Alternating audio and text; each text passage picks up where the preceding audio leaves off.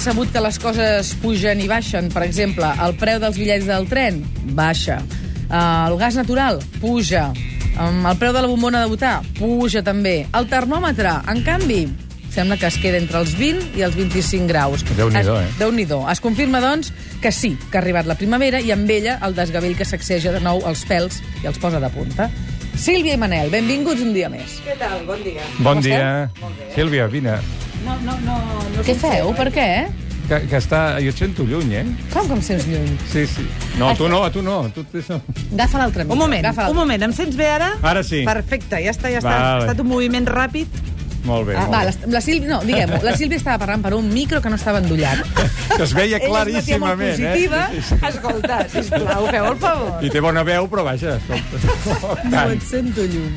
En fi, comencem, Manel. Hola, bon dia. Ara que parlàveu de, de la gent que va sortir a l'episodi de l'endemà d'aquesta Sí. setmana, gent que ha perdut la feina, uh, us vull parlar també d'un tema laboral que m'ha posat els peus de punta aquesta setmana, i és que el Tribunal Suprem dels Estats Units ha acceptat la demanda col·lectiva més gran de la història.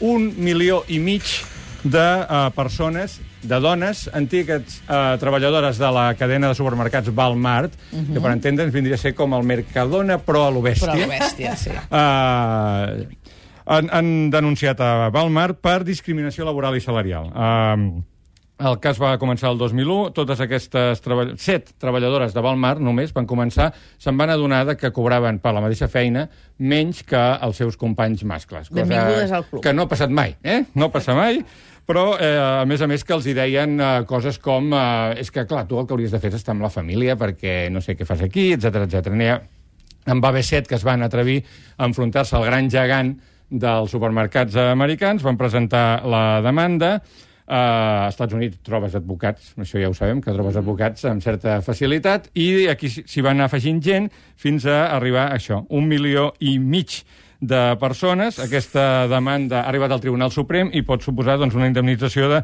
milers de milions eh, de dòlars.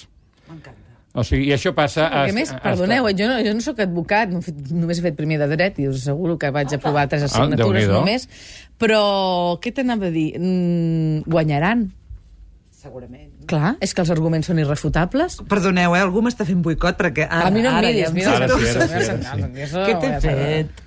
No, ja està. Guanyaran. Ja està. Guanya... Home, deia, quins arguments hi ha en contra? Si No, fas no, la mateixa clar. feina, guanyes menys diners, hola, ja està. Que Sí, mercat. no, no, ja clar, sé que no és així de simple. Anava a dir, tan fàcil no deu ser, No, perquè tan fàcil no no, deu són, ser. és, no és l'únic No, no. cas al món. Però segurament l'argumentació bàsica seria aquesta. Bueno, ha no? arribat, ha arribat, uh, ha arribat al Tribunal Suprem, són un milió i mig de persones, portar la contrària a un milió i mig de persones deu ser complicat, i, bueno, i finalment es demostra la força de les conviccions. Si estàs molt convençut de tenir la raó en una cosa i la portes endavant, doncs eh, pots enfrontar-te a qui sigui, fins i tot a Walmart. Mm. Molt bé, molt bé. Estarem pendents eh, de, de, de com evoluciona i si arriba a haver-hi una indemnització de quants diners estem parlant, perquè uh -huh. segur que no serà cap tonteria. Uh -huh. Sílvia.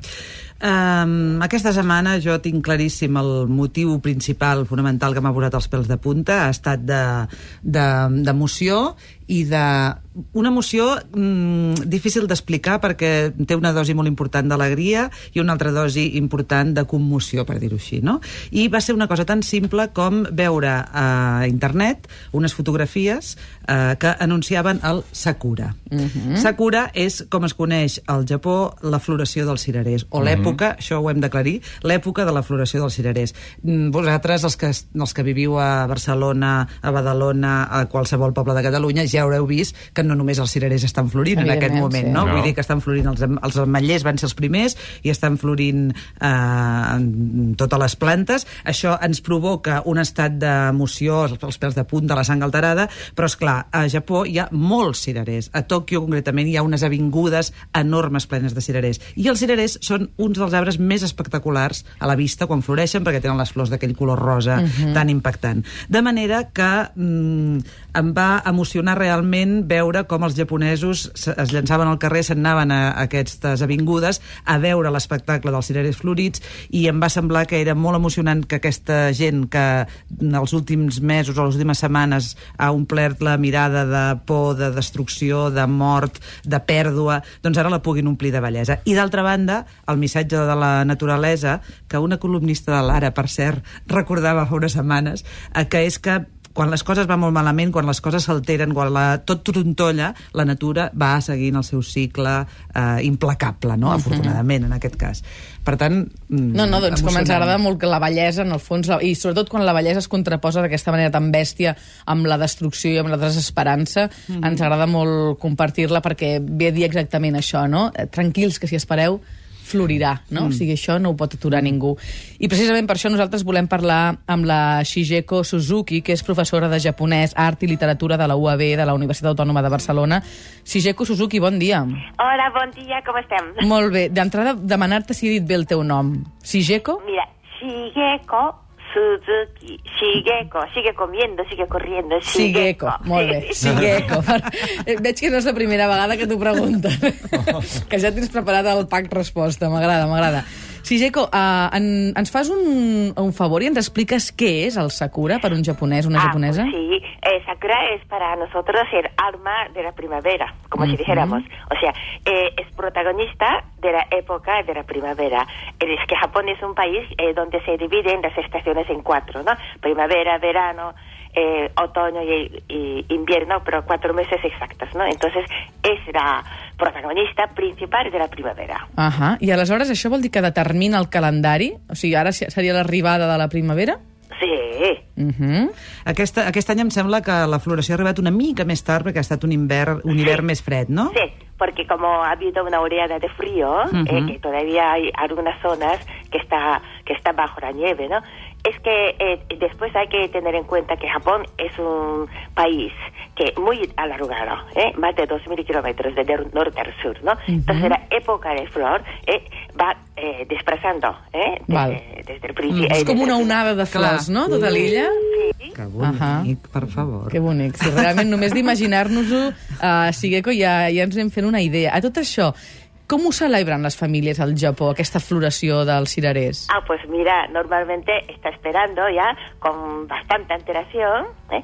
ya a partir del día del día de las niñas, que es el 3 de 3, o sea, 3 de marzo, Sí. ya empiezan a pensar, bueno, ya que ya hemos celebrado el Día de las Niñas con la flor de ciruela, pues ya em- esperamos la flor del cerezo, que es Sakura. ¿eh? Ah. Entonces ya eh, van preparándose, eh, a ver, cuando, cuando haga buen tiempo, cuando nos avisen de que está floreciendo, pues iremos a montar una excursión a las afueras y con toda la comida preparada bien por la madre. Y hay una eh, disposición total eh, para celebrar. I els que esteu fora del Japó, com tu, Shigeko, aprofiteu també per fer la vostra celebració particular? Ah, claro. Nosotros Ajá. también buscamos sitios donde hay... eh, y a- nosotros, cuando no encontramos demasiado sakura, pues ya con- nos conformamos con almen, flor de almendras también, ¿eh? Los. Porque se parecen mucho. Es más rosa, pero que nos recuerda bastante. Però aquí en tenim molts, eh, també, de cirerers. Mira, ara anava Sí. a preguntar-li a la Sisica si ha estat a Extremadura. Has estat a Extremadura? Eh, eh, no, aún no. A Extremadura hi ha una vall, el Valle del Jerte, Ah, sí, Sí. que és famosíssima Sí, a- tengo arreu. muchas ganas de conocerla. Sí, sí, sí, sí. I, de fet, a, que a Catalunya potser no és la- l'abundància que hi ha a Extremadura, però a Torrelles de Llobregat I i, i voltants tant. Sí, n'hi ha molts de cirerers, també. Claro, ten- eh, tengo un amigo allá Ajá. y cada año me avisa, dice, oye, eh, para tal época ya está, ya Molt bé. empieza a florecer. Molt bé. I una última pregunta, Sigue, creus que aquest any és la constatació que encara que tot trontolli, que fins i tot després dels pitjors desastres Sí, naturals com sí. els que encara estem veient diàriament en els informatius, la natura continua amb el seu discurs imparable, no?, de tranquils que claro, som aquí, claro. tranquils que Sí. veurem la llum al final del túnel. Ujú. Pues mira, eh, precisamente yo mu- muchas veces miro la televisión por satélite para, Ujú. para conocer a primera mano, ¿no? La, primera mano las noticias de Japón. Ujú. Ayer precisamente eh, había una escena en que eh, firmaba eh, unos, unas flores eh, de sakura en una rama que está totalmente rota pero que están empezando a botar. Esto en medio de los escombros ¿eh? del terremoto. Y, y se decía, bueno, aquí también todavía hemos sobrevivido el espíritu de Sakura, a pesar eh, del desastre. Ara sí que se'ns han posat els pèls Ah, de punta a tots, em sembla. Els estem aquí, el que ens estan escoltant des de casa seva. Esperem que la teva família estigui bé, si tenies família encara al Japó. Sí, Sí, i bien. Gracias a Dios está bien, pero me duele muchísimo eh, por tantísimas eh, personas que han fallecido. I tant ¿eh? que sí, nosaltres també ens sumem aquest condol. Moltíssimes gràcies, Shigeko Suzuki, Res. professora de japonès, art i literatura de la Universitat Autònoma de Barcelona, Molt i a gaudir del Sakura. Molt bé, molt bé. Adéu-siau. Fins una altra vegada, eh? D'acord. Adéu, adéu. Manel, continuem amb aquest ambient que ens ha deixat la, la Shigeko, que realment eh, Doncs trobo que fa més bona olor aquest estudi. Una que altra, una altra bona notícia eh, per la gent de la Garrotxa, que finalment són protagonistes d'una bona notícia, precisament. Aquesta setmana, el diari anglès The Guardian, hem hagut d'anar a Anglaterra per trobar una bona notícia d'Olot, eh, ha elogiat el model d'integració de la immigració a Olot, comparant-lo amb altres situacions, per exemple, la de Perpinyà, o fins i tot la de Vic o la de Salt. Eh, diu que a Olot, malgrat tots els problemes que hi pot haver amb la immigració, doncs la situació és bastant molt més eh, agradable, diguem-ne, eh, amb la situació, mm, amb la situació aquesta com deia, i trobo que està bé que la gent d'Olot estiguin, puguin estar contents per una cosa d'aquesta. Jo que conec una mica la Garrotxa, puc dir que, a veure, no hem d'oblidar que a l'Ajuntament d'Olot hi ha un regidor de la Plataforma per Catalunya, mm. però, malgrat tot, és veritat que pot haver... Eh, hi, ha, hi ha una situació... No es veu una, una situació de tensió com es podria veure en altres llocs, amb la immigració, tot i que n'hi ha molta. Jo he estat jugant a futbol amb gent que jo suposo que derivaven de generals carlins i al costat eh, un romanès que em trobava a la benzinera i em deia com està la mainada, eh, al cap de quatre dies d'estar a Romania, i per tant doncs dono fe de que sí, de que en certa manera el, el Olot es mereix l'article aquest de The Guardian. De Jo- fet, jo ens en- alegrem moltíssim, eh? En dono fe, efectivament, també. Uh, i, I el que fa molt de goig és veure els nanos a la plaça dels gegants o a la plaça que sigui d'Olot jugant a futbol, que nanos que amb el seu germà o amb el seu pare, cada un d'ells parla un idioma diferent i l'idioma comú per jugar és el català, cosa que hauria de ser normal, però ja sabem que costa molt d'aconseguir i a Olot passa, efectivament. Uh, molt ràpidament, fa un mes i mig aproximadament, espero que us en recordeu, vaig uh, dir que m'havia posat els pèls de punta saber que el Twitter de l'Ajuntament de Vilassar de Mar havia estat nominat Sí. pels Shorty Sí. Awards. Us en recordeu Sí, d'això? sí. Doncs m'ha fet il·lusió eh, saber com havia acabat i, a més a més, saber que havia acabat molt bé perquè l'Ajuntament de Vilassar ha quedat un lloc per darrere del Twitter d'Obama en els premis al millor Twitter. Són coneguts com els Oscars de les xarxes socials. El Twitter de Vilassar va rebre 354 vots i va quedar només per darrere, com dèiem, de l'alcalde de Newark als Estats Units i del de Barack Obama. I, eh, en fi, mm, el, el regidor de Comunicació i Noves Tecnologies de Vilassar, que es diu Laurea Folk, doncs anirà a Nova York per eh, rebre aquest premi, que té... Al·lucinant. No? O sigui, Sí. no, No, no, realment és estem sorpresos, però Sí. dius, és, és que no ens hauríem de sorprendre, és que No. aquí també podem fer coses que estan molt bé. Només dic que ha superat el Twitter de la NASA, el de la Sarah Palin, el de Schwarzenegger... Vull dir, estem a aquest nivell. Seria interessant conèixer els criteris. O sigui, perquè un Sí. Twitter, no? Sí, que té que Vilassar té de Mar, aquest Vilassar Twitter. de Mar que el fa millor que el de la NASA o que el de... També hem de dir que és No un qui. premi que s'atorga per votació popular. Ja, ja, ja. Per tant, eh, potser molt tot el els, Vilas, ja. els de Vilassar doncs, van ser molt, molt eficients i molt actius, però vaja, tot Home, així... més, doncs, que els, molt bé. més que els seguidors de Sarah Palin. També en deu tenir molts, no? És que els seguidors de Sarah Palin, no sé, això de les modernitats, no Clar, sé jo. igual no. Bueno, uh, sabeu que ha aparegut una nova edició de la Bíblia, mm. que m'ha cridat l'atenció perquè uh, ha aparegut una edició de la Bíblia en format bestseller, que jo crec que la Bíblia està considerada ja un bestseller. Sí, i tant. Des del punt de vista textual, és a dir, molt venut, és uh, precisament ara, també, no fa gaire, ha aparegut un llibre de Sergio Vila San Juan sobre els bestsellers, la història dels bestsellers, i la Bíblia i el llibre roig de Mao són els llibres més venuts uh -huh. uh, al llarg de la història. Tots dos tenen unes certes característiques, que és que una mica te'ls han, uh, la gent que es llegeix es llegeix una mica per obligació gairebé, o per, bueno, per convicció, però hi ha una mena de... Uh, de mm, no sabria com definir-ho, de, d'obligació. Si tu estàs convençut d'una sèrie de coses, estàs obligat a llegir la Bíblia o el llibre roig de Mau, en el seu cas.